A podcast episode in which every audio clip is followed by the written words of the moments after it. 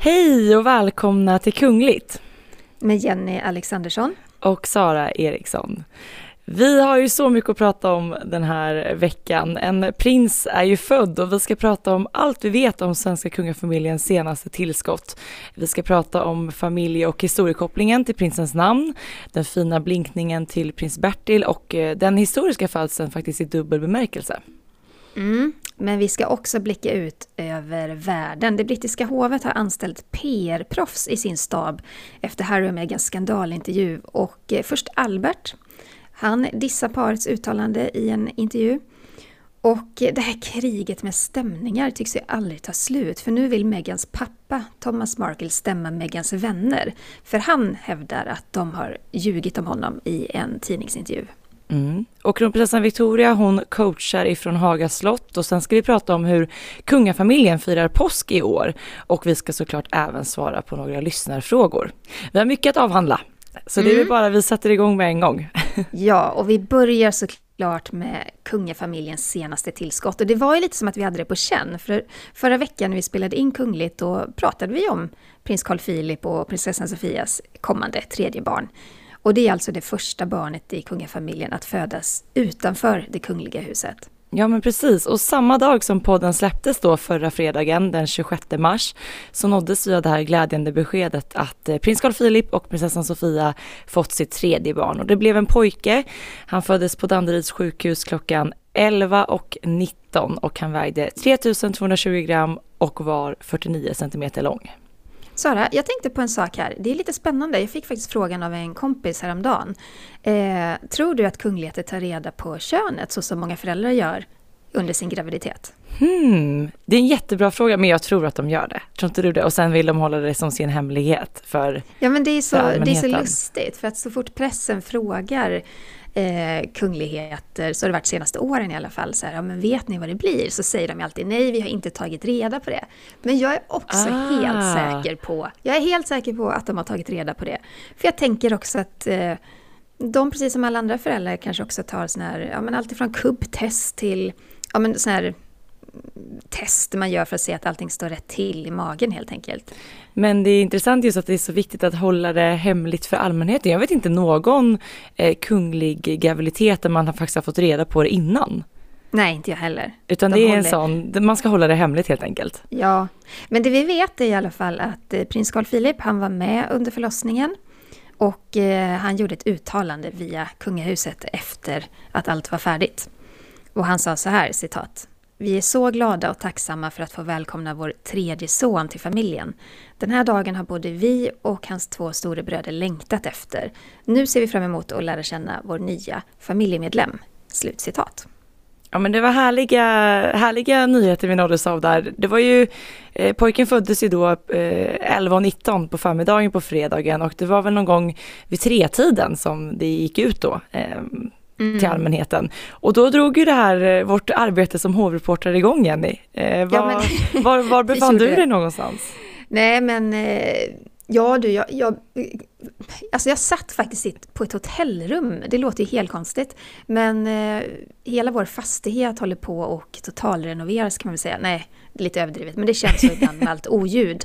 Så jag hade hyrt ett sånt här hotellrum som man kan ha över dagen för att få lite lugn och ro. Eh, för jag var inte jättesugen på att kliva in på jobbet just på, i fredags. Nej. Och eh, så där satt jag i mysbyxor och t-shirt och jobbade vid min dator. Och eh, när man då får ett samtal ifrån eh, jobbet att Ja, Jenny, du ska vara med i sändning om, ja, vi kör om en minut. du bara, ja, vänta lite, jag ska bara ja, jag, dra på mig något. Jag fick hitta, ja men precis, jag fick dra på mig en tröja, så fick jag liksom hitta något hörn av det här hotellrummet där man inte såg att det var ett hotellrum. Eh, däremot såg det verkligen ut i efterhand som en fängelsecell. Med ljusblå väggar där, där solen och persiennerna gjorde så gallermönster i bakgrunden. Så jag sitter i det där hörnet och eh, ja, det ser verkligen ut som att någon har ringt upp häktet. Och, eh, ja, så kan det vara Det var så roligt för att vi hann knappt prata med varandra. Alltså, vi, det här gick ut då, sen drar det igång på båda håll. Ja, och då hinner inte vi kommunicera. Precis, utan då så ser jag bara dig i liven på Aftonbladet och tänker, var är, var är Jenny någonstans? Fängelset. Där var du i alla fall. Och jag tycker vi kan eh, lyssna lite på vad du sa ifrån fängelsehålan när eh, prinsen var född. Det här är faktiskt en jättespännande fråga för att det här är en historisk födsel. Det är nämligen så att det här barnet är det första barnet i den kungliga familjen som föds utanför kungahuset. Det här barnet tillhör alltså inte kungahuset nu när det är fött. Och det, 2019 så gjorde ju kungen, eh, han tog ett beslut kring att hans barnbarn då inte ska tillhöra det kungliga huset och Madeleines barn och prins Carl Philips barn de har ju inte längre hans kungliga höghet eller hennes kungliga höghet som titel. Och jag har ställt frågan till hovet vad som gäller kring det här första barnet nu som föds utanför kungahuset, den här officiella delen av kungafamiljens värld eh, och inte fått några svar än. Så jag tror att man kanske kommer offentliggöra det ganska så snart. Ja, men det är ju spännande för det är ju faktiskt verkligen en historisk födsel. Det är det första barnet som föds i kungafamiljen utanför det kungliga huset med allt vad det innebär. Men det här startar ju också igång en kedja med händelser och den kedjan med händelser den är ju exakt likadan eh, oavsett ja, för varje kungligt barn, mm. eller hur? Ja men precis och eh, då skulle, det meddelades då att eh, kungen skulle hålla traditionsenligt en konselj på söndagen på Kungliga slottet eh, där då regering informeras om prinsens namn och hertigdöme. Men med anledning av pandemin så var det endast statsministern och ett mindre antal statsråd som närvarade. Men vi kan lyssna lite på hur det lät när kungen höll i den här konseljen. Ja. Då så hälsar jag välkomna till den här eh, informationskonseljen.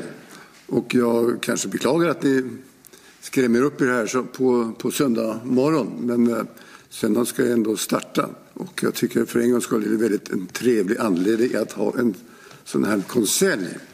Och som eh, traditionen och protokollet eh, brukar vara att vi har en, en sån här konselj där jag har möjlighet att meddela när det har varit en nedkomst inom den kungliga familjen. Och eh, som ni alla vet via, via media så har, ja, har prins Carl Philip och prinsessan Sofia nedkommit med en, en son. En välskapad son som vi hade möjlighet att eh, bevittna och träffa i, igår. Och hela familjen befinner sig väl och eh, även den övriga eh, eh, bröderna har uppskattat det här på ett fint sätt så att de tar hand om den här, den här lilla personen på, på bästa sätt med från början. Så att eh, meningen med den här koncernen är att jag ska delge er vad den här nya medlemmen i familjen och vår nya medborgare ska heta. Och eh, för att dra ut på det här lite grann. Vedskapad, 49 centimeter och eh, 3,2 kilo. Så det är helt normalt med en liten, en liten person. Han kommer att heta Julian Herbert Folke. Och eh, hans titel kommer att bli då prins hertig av Halland. Mm. Man märker att han är stolt. Han är ju farfar nu då för tredje gången. Jag tycker man hör det lite i, när han liksom sitter och, och, berättar här att han vill gärna hålla lite på det. Han tycker det är spännande att ja, men låta pressen få vänta lite grann. Men eh, det som många har pratat om innan födseln, det är ju det här med namn. Mm. Vad det här barnet kommer att få för namn. Och vad, vad gissar du på? Nej, men man får ju den frågan eh, väldigt eh, många gånger inför en eh, kunglig födsel och eh, jag var ju väldigt inne på det här med liksom hylla prins Bertil på något sätt men å andra sidan så kändes inte en Bertil riktigt att klinga med Alexander och Gabriel. Mm. och dessutom så heter ju Alexander Bertil i mellannamn så det kanske kändes lite, lite långsökt. Eh, men jag trodde kanske på en Jakob, det kändes som att det klingade ja, det bra med familjen. och kanske även en Erik var jag lite inne på. Ja, eh, men, men, det, ja. men det är ju lite så speciellt just det här med, med, hur den här nya generationen kungligheter väljer namn. Mm. För jag, det, det har varit så i alla år att man väljer ett tilltalsnamn som man verkligen, verkligen tycker om. Och det behöver inte ha någon kunglig koppling alls. Och det ser man ju på Estelle, eh, Alexander, Leonor, alltså det, det, är inga tyd, det är inga tydliga kungliga namn. Nej. Men sen så väljer man då eh, andra namn som har en kunglig koppling. Eh, och man väljer gärna ett namn som har ja, lite koppling till den andra partnerns släkt. Så det är minst tre, tre namn i alla fall. Och ibland i, i, hos vissa så har man också sett att eh, till exempel Estelle heter ju Mary och det har hon ju fått efter sin gudmor. Så att det finns dels ett tilltalsnamn man älskar, ett namn med kunglig koppling, ett namn med koppling till den andras familj eller släkt och i sällsynta fall en koppling till eh, en gudmor eller gudfar. Men så det kan man säga. Ja men precis, och det jag tycker också är så intressant för att när till exempel prinsessan Estelle döptes till Estelle, då vart ju det namnet som en liksom, trendboom i hela landet. Eh, mm. Där och då var det kanske inte så vanligt, men det är ju verkligen ett, ett jättevanligt namn idag. Är det det? Ja, men jag tycker man hör jättemånga som heter Estelle. Eh, särskilt liksom i en, en yngre generation. Ah, så jag tror ändå det, det, det, blir så här trendsättare i de här kungliga namnen också. Och mm. kanske kommer även det här namnet att bli det, för att det blev ju alltså en prins Julian Herbert Folke. Och Julian är ju ett helt nytt namn i kungliga sammanhang. Där får man ändå ge mig att jag hade rätt på första bokstaven. Jakob ja, och Julian. Ja. ja, men det, jag tycker om det, det är ett fint namn. Och det, det passar bra ihop med Alexander och, och Gabriel. Eh, Herbert, som är andra namnet då, det är ju faktiskt eh, från prinsessa Sofias sida. Hennes morfar hette det i andra namn. Just det. Mm, hans första namn tror jag var Janne, om jag minns rätt. Mm -hmm. Det kanske inte hade passat kanske lika snyggt in i namntråden, namnföljden sådär, men, men Herbert tycker jag är jättefint. Men även om Herbert är nytt i, i kungliga sammanhang så klingar ju det ganska så bra med ehm, eh, Hubertus. Som ja, just det, kungens Kungen heter det andra namn och jag tror även om jag inte missminner mig att eh, prins Gabriel heter det i andra namn också. Mm. Så att det är ändå lite likt. Ja, och Folke det har ju, det har ju Julian fått efter sin farfar, kungen. Han heter ju det i mellannamn. Och han, alltså kungen, är ju i sin tur döpt efter sin gudfar, Folke Bernadotte. Och honom minns vi ju, alltså det namnet är ändå så känt. Han gjorde ett oerhört viktigt arbete med vita bussarna under andra världskriget. Så där finns det ju den här kungliga kopplingen i namnet. Nej, Hubertus, det är, det är storbrorsan Alexander som heter det i andra namn. Mm. Eh, fel av mig. Men så att Herbert Hubertus, eh, ganska likt, och sen en Folke. Folke känns också som ett namn som är ganska populärt i Sverige idag. Det är ju lite trendigt de här lite äldre namnen, klassiska namnen har ju liksom kommit tillbaka lite. Ja, Folke hette min farfar. Jättefint jag, namn. Ja, och det finns någon Folke i min sons eh, skola. Så ja, det kommer tillbaka. Det kommer tillbaka. Eh, vi pratade ju om det förra veckan i podden, så här, i och med att det här blir det första barnet att, att födas utanför det kungliga huset, så kom vi in på det här med hertigdömen. Och både du och jag, Jenny, var ju överens om att vi trodde att, att den här, det här nya tillskottet skulle tilldelas ett hertigdöme i och med att alla hans kusiner har det. Och så blev mm. det också. Mm. Han har fått hertigdömet Halland som sitt. Och det är ju faktiskt en fin blinkning till prins Bertil och prinsessan Lilian. De var ju hertigpar över Halland och tillbringade jättemycket tid i sitt sommarhus i Tylösand. Eh, och prins Bertil han gick ju bort 1997 och prinsessa Lilian hon, hon dog 2013 och sen dess så har ju Halland stått utan hertigdöme, eller utan hertig. Mm, mm. Och eh, prins Carl Philip han stod också Bertil mycket nära. Eh, prins Bertil var ju gudfar till prins Carl Philip och det var liksom han som väckte Carl Philips det här stora intresset för motorsporten och Carl Philip är ju även döpt efter Bertil då han heter det i andra namn. Eh, och det är också så fint i och med att hela prinsfamiljen bor ju idag på Kungliga Djurgården i Villa Solbacken där Bertil och Lilian bodde tillsammans. Så att det mm. finns ju väldigt många kopplingar redan i familjen till Bertil och Lilian och nu även då får Julian ta över deras hertig, hertigdöme.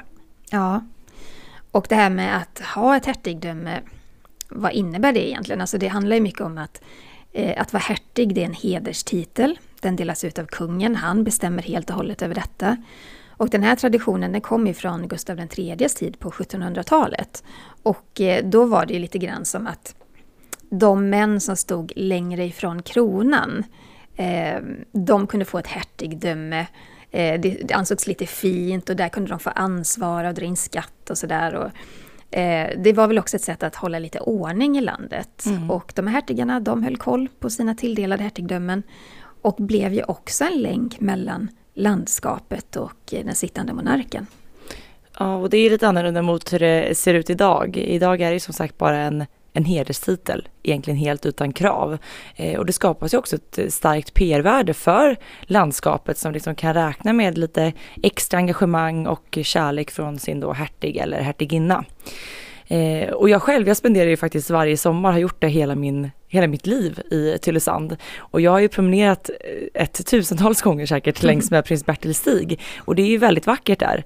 Eh, jag kan tänka mig att vi säkert kan se prins Julian besöka sitt hertigdöme inom några år och säkerligen kommer han också att få en fin dopgåva från Halland. Kanske en stig eller en lekpark. Det är ju sånt vi har sett eh, bland de andra kungabarnen de senare mm. åren. Så då har vi slagit fast att ja, det blev ett hertigdöme till prins Julian.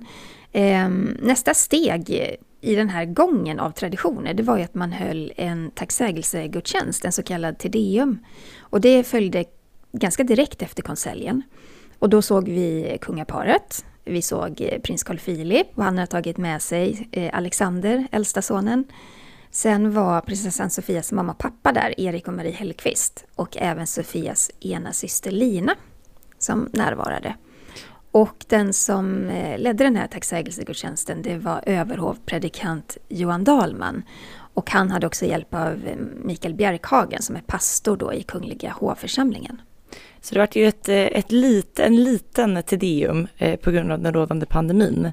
Annars så är det ju eh, stora delar av det officiella Sverige som blir inbjudna till, till Tedeum och också familjen såklart. Eh, så det mm. brukar ju vara en, en, större tillställning än vad det blev den här gången. Men ändå kul att man kunde genomföra det och jag tyckte också det var fint att Carl Philip tog med sig prins Alexander som nu är fyra år som närvarade mm. vid lillebrors eh, tacksägelsegudstjänst. Ja, de är bra på att slussa in barnen ganska tidigt i de här officiella delarna. Så mm. det, det är bra. Det är bra. Men vi ska prata lite grann om hur livet kommer se ut för prins Julian. Ja. Eh, han är som sagt det första barn som föds utanför det kungliga huset. Men det ska vi verkligen poängtera. Han är givetvis en del av kungafamiljen. Men inte någon del av det officiella i, i det kungliga världen.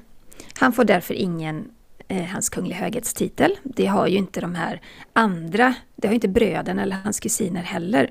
För i oktober då 2019 så tog ju kungen beslutet att klippa av lite grenar eh, och se till så att man tydliggör vem är en del av kungahuset, vem har rätt att representera och hur många får ta del av apanaget. Och eh, det gäller även prinsessa Madeleines barn. Ja men precis. Och eh, i måndags då efter, dagen efter eh, konseljen och Tedeum så gästade jag eh, Nyhetsmorgon i TV4 för att prata lite om hur prins Julians liv kommer att se ut. Så vi kan ju lyssna lite på hur det lät. Så att han är ändå en prins? Han är en prins, men det är då en hederstitel ja. som kommer i och med att han föds in i den kungliga familjen. Men den här formella titeln kungliga höghet som också ställer eh, tillhörande krav ja. eh, är inte helt enkelt mm. med här. Och vad kommer det innebära för lilla Julians fortsatta liv då, om man till exempel jämför med prinsessan Estelle? Ja, men det är ju två helt olika liv. Estelles, eh, prinsessan Estelles liv är ju ganska förutsägbart. Man vet vad hon ungefär kommer att studera. Hon går redan nu i en så kallad drottningsskola just för att slussas in i det här livet för att hon ändå ska bli Sveriges kronprinsessa och blivande drottning. Medan nu kusinerna då, till exempel Julian, går ett helt, alltså ett friare liv till mötes och kommer att räknas som en privatperson i mycket större utsträckning. Kommer kunna välja precis vad han vill jobba med? Och... Ja, alltså kunna driva eget företag om man så mm. önskar, studera vad han vill och jobba med vad han vill och inte alls ha den här mediala uppmärksamheten och det här trycket som faktiskt eh, en kunglig högerstitel innebär. Ja, på, ja, precis på pappret, men man kan tänka sig att de är ändå rätt påpassade. Det är ändå folk som vill gärna, vi, bara det faktum att vi pratar om dem här och nu så... Så ja, är det ju ja. givetvis och han är ju fortfarande en del av den svenska kungafamiljen, det ska ju inte förglömmas. Det är ju väldigt spännande det här med att vara en del av en kunglig familj. Men att kunna ha liksom ena foten lite grann i den världen och den andra foten i den helt privata världen, eller hur? Ja men verkligen, och jag fick ju just frågan där att så här, hur kommer Julians liv att skilja sig eh, gentemot till exempel då prinsessan Estelle? Och det är ju faktiskt två helt helt olika eh, framtider som de går till mötes. Jag menar eh, Julian här nu som föds utanför den här eh, officiella delen. Visst, det kommer finnas en, ett medialt intresse kring prinsens liv men han, det är ju ett mycket friare liv han går till mötes med fler alltså valmöjligheter och han kommer ju ses som en privatperson i mycket större utsträckning, eh, exempelvis då eh, gentemot eh, prinsessan Estelle som har en ganska så förutsägbar framtid. Eh, mm. Men också med de fördelarna som det innebär, till exempel en, eh, en säkrad ekonomisk trygghet i form av, av apanage och så vidare. Så att det finns ju såklart både för och nackdelar eh, mm. med båda delarna. Det gör det det ska bli roligt att, att, följa honom i den utsträckning vi får vara med och följa honom. Ja, precis. Men nu, kära lyssnare, är det dags för veckans Harry och Meghan.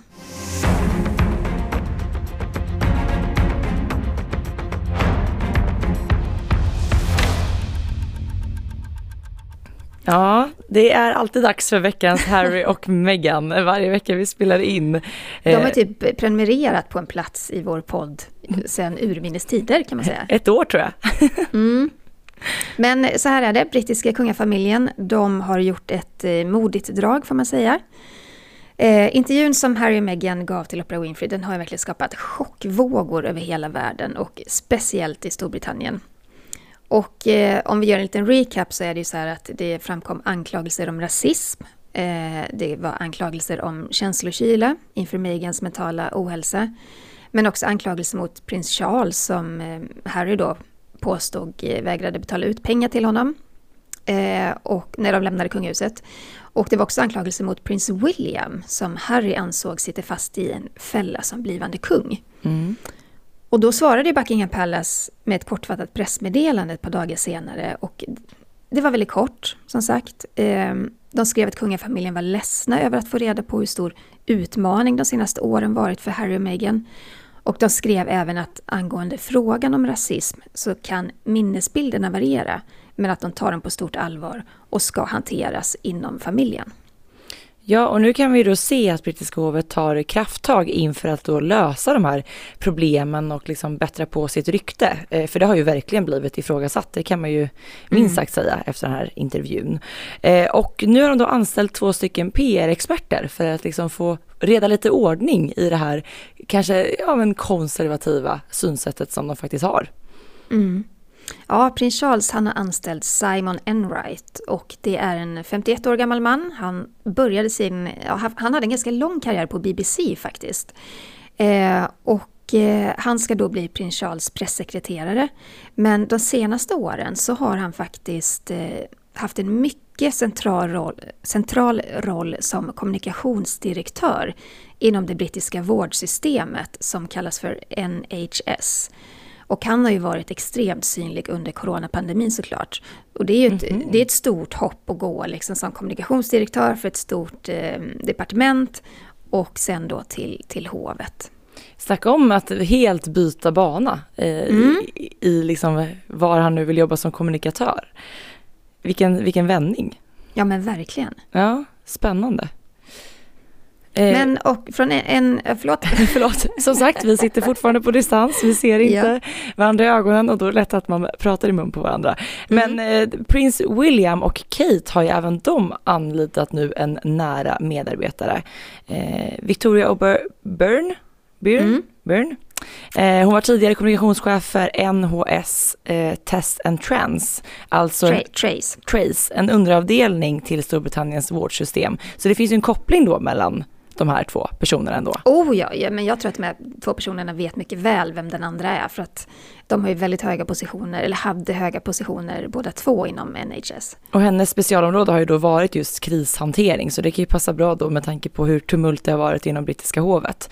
Eh, faktiskt, så att det är väl precis vad de behöver. Men det är ändå intressant eh, att man väljer att ta in PR-proffs. Det är ju lite som att kanske eh, bekräfta det som har hänt lite, att man behöver kanske uppdatera och förnya vissa delar. Ja, men jag tror att hela den här intervjun med Harry och Meghan i Opera, det är ju liksom en av de största kriserna som brittiska kungahuset genomgår i modern tid. Vi har ju liksom haft annus horribilis också, var det 92, eh, med, med skilsmässor och otrohet och allt sånt där. Men, men just att bli eh, anklagade för rasism och eh, att inte ta psykisk ohälsa på allvar, det, det, det är något de måste hantera. Jag är helt övertygad om att det inte är en slump att de här PR-proffsen plockas från NHS. Varför tror du att man väljer just det stället då?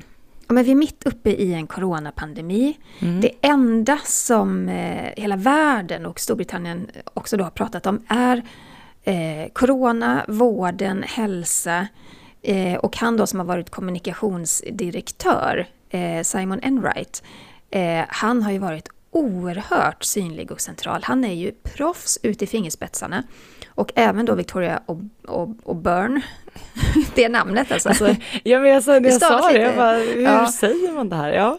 Eh, hon har ju då, eh, hon är ju en stjärna på krishantering och precis det som kungahuset behöver. Och var kan man annars i den här tiden just nu hitta bättre proffs än de som har hanterat en enorm pandemi? Men där undrar jag, håller med dig, men där undrar jag också, slutade de här perso två personerna eh, att arbeta på NHS på grund av det nya jobbet eller hade de redan slutat? För annars kanske det också kan komma reaktioner i att kungahuset väljer att rycka dem från de här positionerna där de har gjort ett så bra jobb mitt i en pågående pandemi. Som jag har förstått det som så lämnar de för att gå till hovet. Mm. Eh, men jag har faktiskt inte läst någonting om eh, reaktioner på att de Eh, alltså jag har inte läst någon kritik över att de går över till hovet. Det känns lite grann som att i Storbritannien är det så att efter en efter lång, eh, trogen, eh, eh lysande karriär så är det många som går till hovet, att det blir lite så fjäder i hatten. Eh, jag vet inte om det är på samma sätt i Sverige, men jag vet att i Sverige så anställer man ju på informationsavdelningen jättegärna människor som har jobbat inom näringslivet med kommunikation. Så där, där finns ju en likhet. Eh, nu är inte NHAs näringslivet, men just att man haft en framträdande kanske position och mm. en synlig sådan tidigare då liksom. Men du förstår hur jag tänker där vad som skulle kunna riktas som, som kritik mm. ifall att man tycker Absolut. att de har gjort ett bra jobb i, i den här pågående krisen. Eh, å andra sidan är det väl precis vad kungahuset faktiskt behöver nu eh, för att reda lite ordning i allting som har hänt eh, och mm. klargöra saker och ting. Ja, men jag tänker också att drottning, drottningen är 95 år gammal, hon har enormt mycket erfarenhet, men i dagens medielandskap så behöver man nog också eh, nytänkande. Mm. Och det är en konservativ organisation, det brittiska hovet. Och jag tror att de här människorna kan komma in med många nya idéer och tankar som kan underlätta. För att det är inte alltid alltid så att brittiska hovet varit så väldigt bra på Nej. PR eller kommunikation. Det kan man inte Vi vet ju alla hur, vilken anstormning det blev efter Dianas död när det var helt tyst när brittiska hovet återigen trodde att man kunde eh, kväva tiga, och tiga. Men precis. Eh, men där slutade det med att eh, drottning Elizabeth faktiskt fick lägga sig platt och tala till folket, vilket hon också gjorde på ett ganska tydligt sätt när hon stod inne på Buckingham Palace och pratade in i kameran och man såg det här blomhavet och alla människor utanför Buckingham Palace för att hon på något sätt skulle liksom närma sig folket. Mm. Eh, där fick man också krishantera ganska så rejält, för ja, då skakade verkligen. det på även, även den gången. Och jag menar stackars drottning Elizabeth, hon har liksom behövt ta i kris efter kris. Innan Harry och Meghan så var det ju prins Andrew, mm. hans kopplingar till pedofildömde Jeffrey Epstein och den katastrofala intervju han gjorde med BBC. Så eh, kris efter kris senaste tiden kan vi säga. Det har varit också många sådana här intervjuer som, som drottning Elizabeth behöver liksom städa efter för att det blir så mycket svallvågor, inte minst mm. då Andrew-intervjun.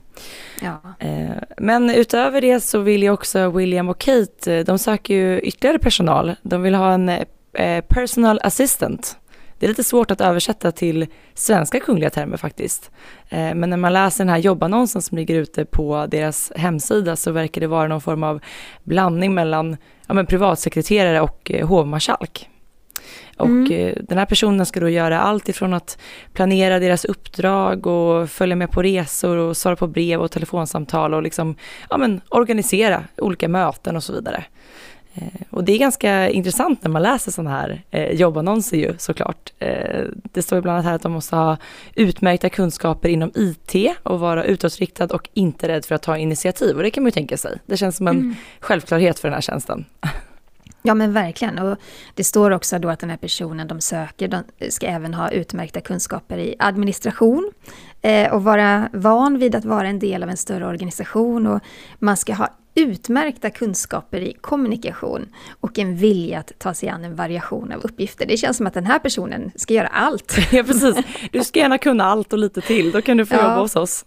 Men det viktigaste av allt, och det är verkligen så här poängterat i den här jobbannonsen, Personen som anställs måste vara ytterst diskret och får på inga villkor dela med sig något om paret och dess familj. Och det kanske, det kan man förstå att de kanske ännu Eh, trycker ännu mer på nu efter Harry och Megans intervju med Oprah och att faktum är att det är läckta uppgifter från Harry och Meghan eh, rätt ut i liksom nationell TV mm. eh, även efter intervjun. Så att jag tror att kungahuset är jätterädda nu liksom för att det ska läcka skit ifrån, ursäkta valet av ord, men ska läcka skit från kungahuset. Eh, speciellt i den här situationen.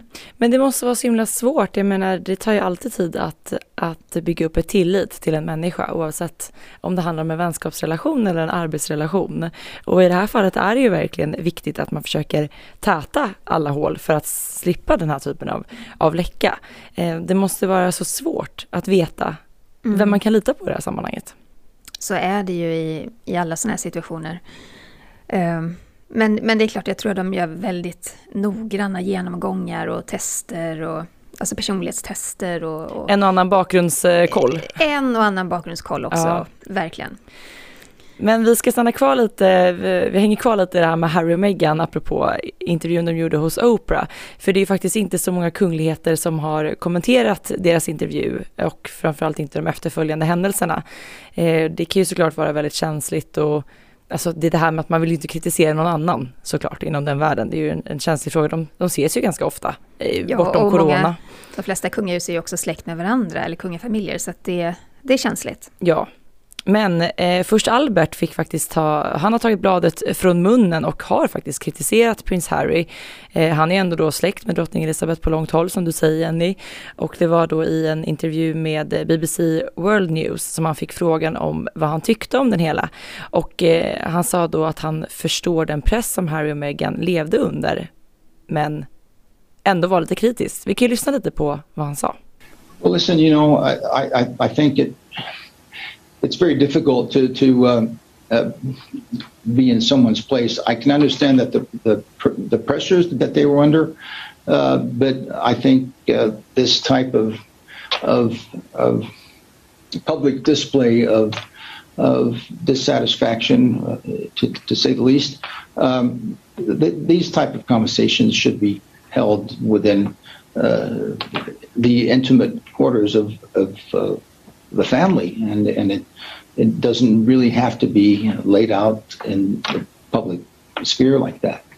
So it, it, it did bother me a little bit. I, I can understand where they're coming from in, in a certain way, but but I think it was uh, it wasn't the appropriate uh, forum to to uh, uh be able to have these these kind of discussion. Ja, det är spännande. Han, han säger bland annat att Eh, han tror att den här offentliga uppvisningen av missnöje, minst sagt, eh, att den här typen av samtal ska hållas inom den privata familjen och det ska inte göras offentligt. Och så säger han ju också att han blev lite störd av händelsen, även om han då kan förstå parets känslor till viss del. Och han säger att det var inte ett lämpligt forum för att ha den här typen av diskussioner. Och eh, samtidigt då så önskar han eh, prins Harry lycka till. Men la till att det är en svår värld där ute och han hoppades att prinsen hade omdöme och kunskap nog att göra de rätta valen. Det är ju en mm. liten pik ändå får man ju säga. Verkligen. Jag tycker att först Albert, han eh, har blivit allt mer frispråkig ändå. Eller att han vågar liksom, han pratar ganska så rätt från hjärtat. Eh, mm. Ganska ovanligt för att vara kungligheter skulle jag säga. Ja, ja men verkligen. Eh. Men någon som också pratar från hjärtat, ja, eh, minst sagt, minst sagt det är ju Thomas Markle, det är ju Megans pappa. Han bor i Mexiko, han är lite till åren och har lite skranglig hälsa men han har varit väldigt, väldigt synlig i medierna eh, i flera år. Eh, han säger nu att han vill stämma fem av Megans vänner. Och de här fem vännerna, det är då samma personer som ställde upp på en intervju i tidningen People. Och det var ungefär ett halvår efter bröllopet och där berättar de om Meghan och hennes relation till sin pappa. Och då var ju relationen mellan Meghan och Thomas Markle oerhört infekterad. Och under rubriken Sanningen om Meghan så berättar de här fem anonyma vännerna en massa saker som var positiva för Meghan och inte så smickrande för hennes pappa. Och där nämndes även ett brev som Meghan hade skrivit till sin pappa, ett privatbrev. Och det hade hon skickat eh, i samband med bröllopet. Och hon bad honom bland annat att sluta prata med pressen. Det var ju då, visst var det så att det var efter den där incidenten som Thomas Markle faktiskt bestämde sig för att då ge det här privata brevet till Daily Mail och Mail on Sunday. Eh, och det är det här brevet som vi har pratat om så många gånger, eh, som det också har varit en stor mm. twist kring och om. Eh, han ville helt enkelt då försvara sig och motbevisa det som sades i Peoples artikel. Eh, men som vi har pratat om flera gånger så vann ju Meghan den här eh, processen i rätten efter att hon då stämt Associated Press efter att ha gjort intrång i hennes privatliv när de publicerade hennes handskrivna brev till sin pappa.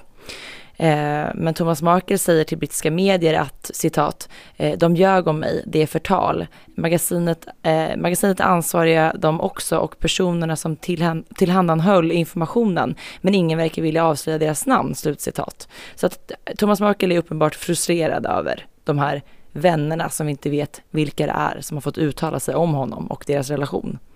Mm. Och eh, han har pratat med sin advokat och nu vill han då ta reda på vilka de här, alltså identiteten på de här fem anonyma vännerna. Och därefter så ska advokaten lämna in en stämningsansökan. Eh, men jag tänker också att eh, Thomas Markle menar ju också att han inte har fått försvara sig efter eh, så många gånger. Men, men efter intervjun med eh, Opera som Harry och Meghan hade, då satt han ju faktiskt i morgonsoffan dagen Just efter det. i Good Morning Britain, tror jag det var. Just det. Och verkligen fick försvara sig. Men han kanske känner att han inte fått göra det på samma sätt då efter den där intervjun i, i tidningen People. Mm. Det har varit liksom en, en pajkastning ända från start. Mm. Eh, och jag tycker att hans agerande, hela den här eh, delen när han liksom ordnade så att paparazzis fick ta bilder på honom. Han har ju inte riktigt spelat sina kort på ett bra sätt för att man på något sätt ska sympatisera med honom tycker jag. Nej, och, och Megan sa ju det i intervjun med Oprah att nu när hon själv har fått barn så har hon så himla svårt att förstå hur en förälder kan vilja orsaka smärta till ett barn. Mm. Så som hennes pappa gjort mot henne och eh, inte velat liksom beskydda barnen istället. Så jag kan väl hålla med henne att sälja paparazzi eller arrangera paparazzi-bilder och sälja stories till tidningarna. Det är kanske inte en jättebra grund mellan det, det är ingen bra grund för att skapa en fin julefrid i alla fall. Nej, eh, det Så mycket inte. kan vi ju säga. Det är det inte. Men eh, det finns ju fler som pratar i pressen. Jajamän. Lady Colin Campbell. Eh, det är en kvinna som har skrivit åtta kungliga böcker. Hon har även skrivit en bok om Harry och Meghan. Som var, den var nog ganska kritisk får man säga. Hon stryker Men, inte kungligheterna medhårs när hon nej, skriver böcker, det ska vi säga. Hon skrev ju också den här omtalade boken om eh, prinsessan Diana som blev väldigt känd. Just det. Eh, men allt sedan Meghan då avslöjade att någon inom kungafamiljen ställt frågor om Archies hudfärg så har ju alla undrat vem, vem är den här personen? Och eh, vi såg att prins Harry var ju snabb med att skicka ut ett pressmeddelande, eller inte pressmeddelande, men via Opera så kom det ut ett meddelande från Harry att det inte gällde drottning Elizabeth eller prins Philip. Och då har ju många liksom dragit slutsatsen att, ja vem är kvar då? Ja då är det kanske Charles och William och deras fruar. Mm. Så det varit en del fokus på dem i medierna. Eh, men nu har då Lady Colin Campbell avslöjat att nej, det var den här personen. Vi lyssnar. Princess Anne was rightly concerned that if the marriage proceeded and there were children, there would be huge problem. Hon menar alltså att det är prinsessan Anne som haft ett samtal med Harry om Meghan och ett framtida barn. Men Lady Colin Campbell, hon säger också då att hela det här samtalet har missförståtts och förstorats av Harry och Meghan. Och i själva verket så menade Anne att Meghan inte skulle fungera i rollen som kunglig. Alltså hon var ganska misstänksam mot Meghan. Och orolig över att Meghan inte skulle respektera den kungliga familjen. Och att det här samtalet handlade mer om hur olika kulturerna och attityderna är då i USA och Storbritannien. Och det var snarare det än någon fråga om rasism som samtalet handlar om. Och, eh, men någonstans där ska väl då Anne tydligen ha liksom tagit upp ett framtida barns hudfärg och satt det i någon liksom kontext. Och eh, Lady Campbell hon hävdar då att Anne aldrig varit särskilt förtjust i Meghan. Men att då Harry genast berättade för Meghan om samtalet han hade haft med Anne och att Meghan då har överreagerat och genast gjort detta till en rasfråga och eh, rasism och hudfärg. Och det här ska vi säga, det är då enligt Lady Colin Campbell, det är hon Precis, då som, det som finns påstår detta. Det är ingenting som är bekräftat eh, från några sidor. Eh, men där måste jag också säga, alltså Ann, som jag uppfattat det så har ju Ann och Harry alltid haft en väldigt fin och bra relation med varandra. Mm. Eh, ja, det, att, det tycker jag med. Och att Ann då ska ha pratat på ett ganska så kritiskt sätt gällande hans fru och hennes inflytande i, i kungahuset. Eh. Men det är väl också som, som du sa innan Sara när vi pratade om detta att eh, Anne är ju väldigt rak och direkt mm. och eh, hon eh, hon döljer liksom inte vad hon känner och tänker. Jag tänker också på det här när Donald Trump eh, var på Buckingham Palace på sitt första besök. Eh, då tror jag att Anne vägrade hälsa på honom. Ja, precis. Att hon är ju verkligen så. Hon, hon gör sin grej och hon gör det hon tycker och känner där och då och också säger väldigt många gånger. Rakt det har vi också ut. sett historiskt sett hur hon många gånger har haft en vass tunga eh, på både mm. gott och ont. Eh, och så var det säkert i det här fallet också. Eh, om det nu är så att det, det är stämmer. Anne som Harry refererar till, det, det, vet vi inte, men det här är ju enligt då Lady Colin Campbell. Mm. Mm. Eh, vi ska få vi stanna kvar i Storbritannien för att eh, det råder ju mycket förvirring. Nu, det råder förvirring kring vem som har sagt vad, vad som faktiskt har gäller mellan Harry och Meghan, kungahuset. Eh, ja men hela året egentligen har ju den här Harry och Meghan-karusellen skapat väldigt stor förvirring. Eh, det har varit svårt att greppa eh, framförallt hur hovet ställt sig till liksom parets, de här monsterdealarna och så vidare. Och sen då i slutet av februari nu 2021 så meddelade ju drottning Elizabeth att Harry och Meghan lämnar kungahuset helt och hållet. Eh, citat då så här, hertigen och hertiginnan av Sussex har bekräftat för hennes majestät drottningen att de inte kommer att återvända som arbetande medlemmar av kungafamiljen. Slutcitat. Så det var ju ganska tydligt ifrån kungahuset då. Eh, drottningen beslutade även i samband med det att paret måste avstå sina eh, resterande kungliga beskyddarskap och uppdrag och att dessa istället då ska delas ut till andra medlemmar av kungafamiljen. Men trots det här tydliggörandet från hovets hemsida och eh, Harry och Meghans den här bombintervjun hos Oprah så råder det faktiskt fortfarande lite otydlighet på brittiska hovets hemsida. Eh, jag reagerade på det när jag var inne och kikade runt där, för att går man in där och läser om eh, den kungliga familjen så är ju Harry och Meghan fortsatt kvar där med bilder och information bland alla andra eh, medlemmar av det kungliga huset. Och där står Jaha, faktiskt... de, de, alltså, de är, ligger alltså under kungliga huset också? Ja, precis. Ah. Så de ligger där, det är William och Kate och sen under där så ligger det Harry och Meghan med bilder och det står att de är hertig och hertiginna av Sussex. Eh, och där så står det då texter om, om Harry och Meghan som jag gick in och läste. Och då står det så här bland annat. Eh, sedan parets beslut i januari, och då syftar då eh, de till januari 2020, eh, har paret valt att ta ett kliv tillbaka som Senior Royals. Paret spenderar sin tid i Storbritannien och i Nordamerika för att fortlöpa sitt arbete för drottningen och samväldet. Slutcitat. Det känns lite gammalt eller? Det känns lite gammalt. Eh, mm. Det står även att paret fortsatt är bosatta på Frogmore Cottage trots att de då i mars 2020, för över ett år sedan, meddelade att de flyttade till Los Angeles. Uh, min fundering där är kanske borde brittiska hovet även anställa någon som uppdaterar informationen på webben? Eller vad, vad, tycker du Jenny?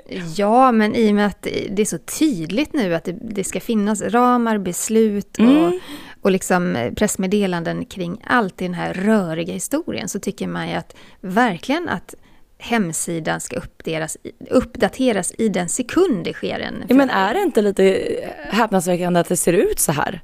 Att man liksom, jo. är det någonstans, jag menar samma sekund som, som kungen hade meddelat till exempel Julians eh, namn och hertigdöme, ja men då var ju kungahusets hemsida uppdaterad med senaste nytt för att man ska mm. kunna ta del av fakta på en gång. Här har vi alltså brittiska hovet som har varit i skott, äh, skottgluggen hela året egentligen och där går det inte att hitta rätt information vad som faktiskt gäller.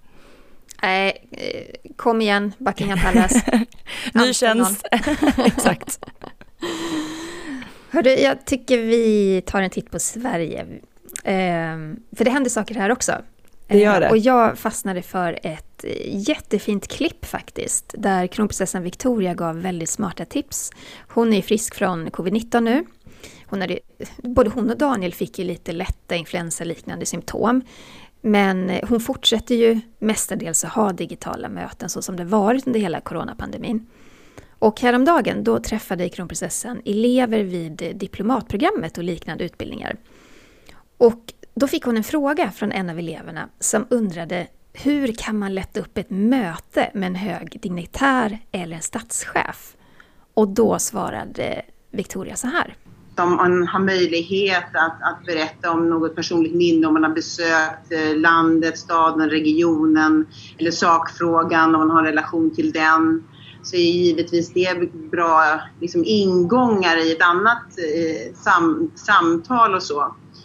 Just där. För att komma bort från det där formella. Vi i Sverige är ju inte så formella. Vi har ju inte den där superhierarkin på det sättet med formalier och så. Vi är ganska direkta. Jag tycker ändå det är lite fint att hon ger ju tips om hur vem som helst ska kunna lätta upp ett möte med henne egentligen. Ja, faktiskt. och, jag, och där gillar jag, där tycker jag att vår kronprinsessa är så otroligt vass i de här situationerna. Hon är ju så genuin, vad hon än pratar om. När hon berättar om det här så känner man verkligen hur hon hon, hon liksom vill verkligen det i det här på ett, på ett mm. väldigt bra sätt för att hon, hon tycker det är viktigt.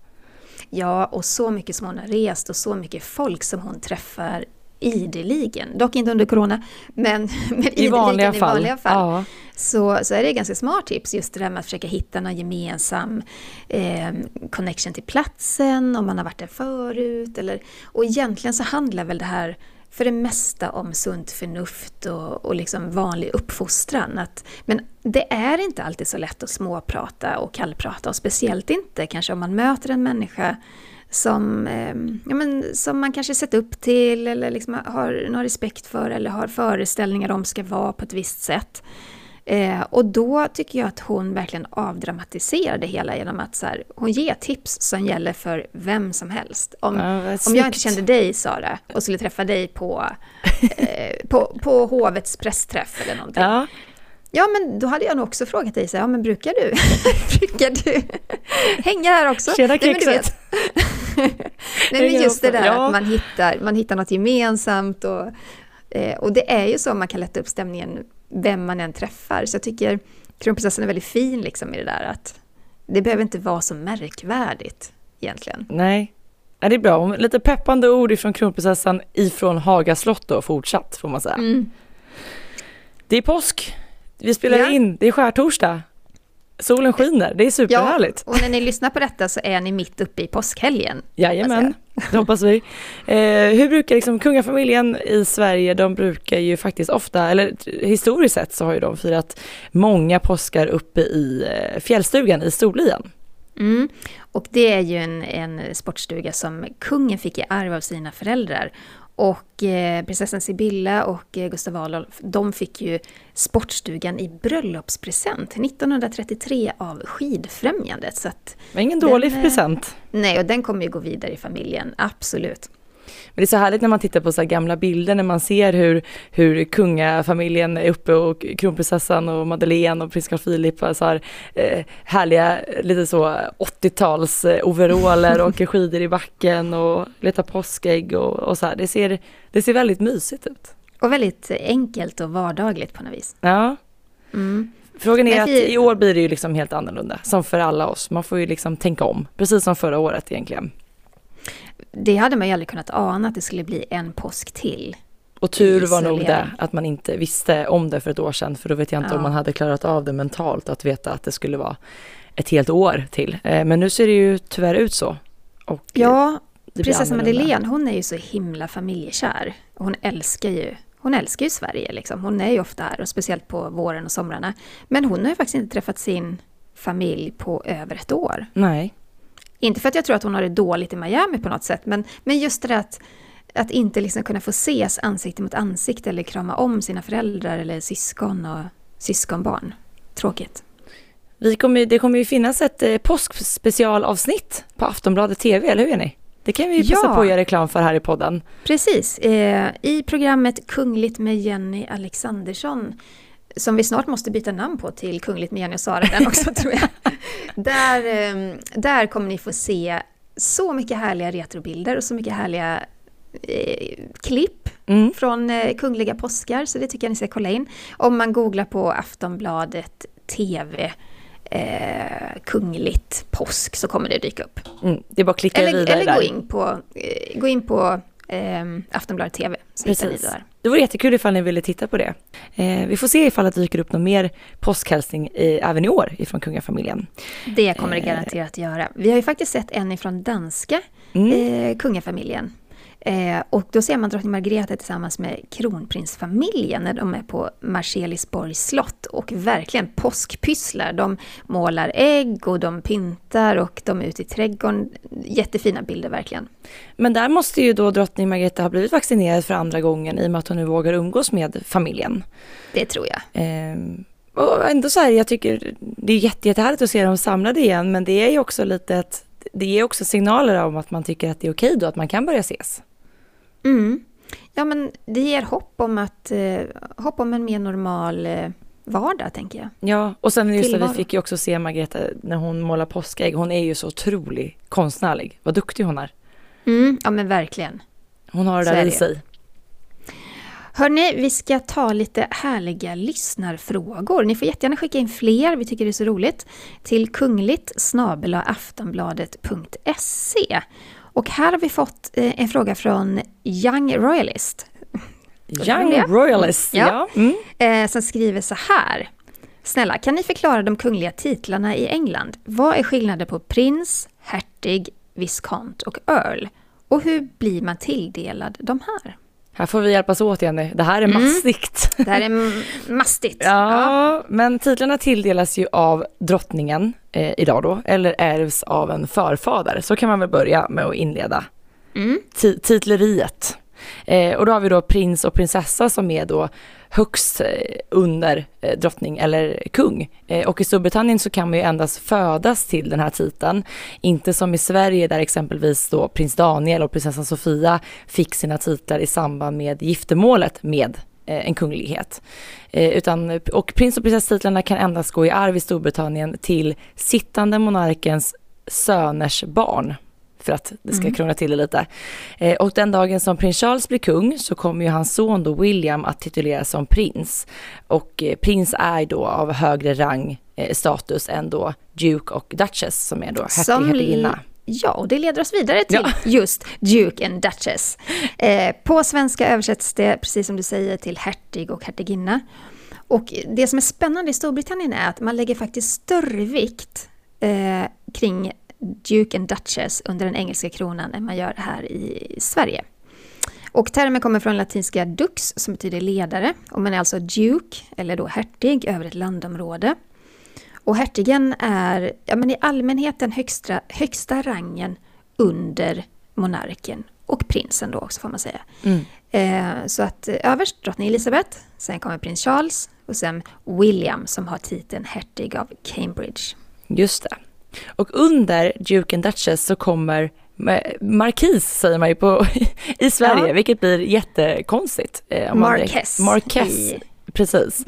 Eh, just nu finns det då 34 markiser i Storbritannien eh, och man tilltalar då Marquess eller markis med My Lord. När man det ser man ju i alla de här äh, gamla filmerna och mm. i The Bridgetons, visst hette den serien så? Just det. Den säger alltid My Lord när man träffar mm. någon. Tjusigt ska det vara. Men det är alltså den som kommer under då Duke och Duchess. För sen kommer ju en titel som vi känner igen än mer och det är ju Earl. Ja, under Marquess så har vi alltså titeln Earl. Och det är en gammal titel som syftar till en viss provins. Och eh, prins Edward, han är ju faktiskt Earl istället för Duke. Eh, och det sägs att han själv faktiskt ville bli Earl istället, mycket på grund av hans favoritkaraktär, karaktär, Lord Wessex i Shakespeare in Love. Och troligtvis så kommer ju drottningen att erbjuda Edward eh, hans pappa Philips titel, Duke of Edinburgh, den dagen som Philip lämnar jordelivet. Och en Duke tilltalas My Grace eller Your Excellency. Just det. Och den kvinnliga benämningen på Earl eh, blir ju liksom på svenska då grevinna kan man säga. Det kan man absolut säga. Ja.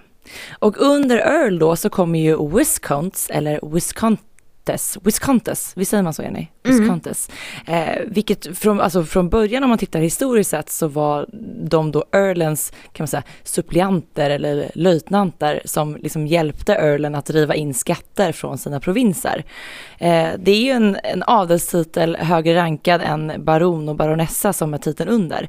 Och en Earls barn ärver allt som oftast titel Viscounts eller Viscontness. Mm. Och baron då, lägsta adelsrangen i Storbritannien. Men det är inte fy skam att vara baron. Det är det inte. Eh, nej, för det är, är man också över en del av ett landområde. Och baroner de tilltalas My Lord eller The Right Honourable. Och den här titeln den ärvs bara på den manliga sidan helt enkelt. När man pratar om titlar och hur man ärver dessa så är det ju väldigt gammaldags. Ja, eh, men vi säger så här då. Överst eh, monarken, ja. prins eller prinsessa. Sen Duke Duchess, och det är då hertiginna. Sen Marquess. Sen Earl, som man då kan säga är greve. Och den eh, feminina formen är Countess. Och sen under det så är det Viscount och Viscountess. Och lägst Baron, Baron. Det har varit ett långt svar på den lyssnarfrågan till Young Royalist. Men jag hoppas att ni fick svar på det som, som ni undrade. Lite i alla fall. Det ja, finns ju precis. mycket kring det där. Det är inte alltid lätt att greppa faktiskt. Mm. Jag tror inte vi hinner med några fler frågor. Jag tror inte heller det. Sara, någon gång ska vi samla ihop. Vi har ett helt berg av frågor. Vi ska samla ihop och köra ett helt avsnitt bara med äh, lyssnarfrågor. Ja, jag tror faktiskt också att det vore bra. För det är många mm. som ligger och väntar och vi blir ju så glada när ni eh, skickar in frågor till oss. Det är jätteroligt. Ni är så himla engagerade alla som lyssnar och det är väldigt tacksamt. Och tack också för alla fina kommentarer på sociala medier. Eh, ni hittar oss lätt där. Sara, var finns du? Royalistan.se och var hittar man dig? Främst på Instagram och där heter jag Kungligt med Jenny. Glöm heller inte att prenumerera på podcasten. Det gör ni genom att trycka på prenumerera-knappen så missar ni inget avsnitt. Tack snälla för att ni har lyssnat på veckans avsnitt igen. Ha det så gott och trevlig påsk. Ja, glad påsk till er alla. Hej då!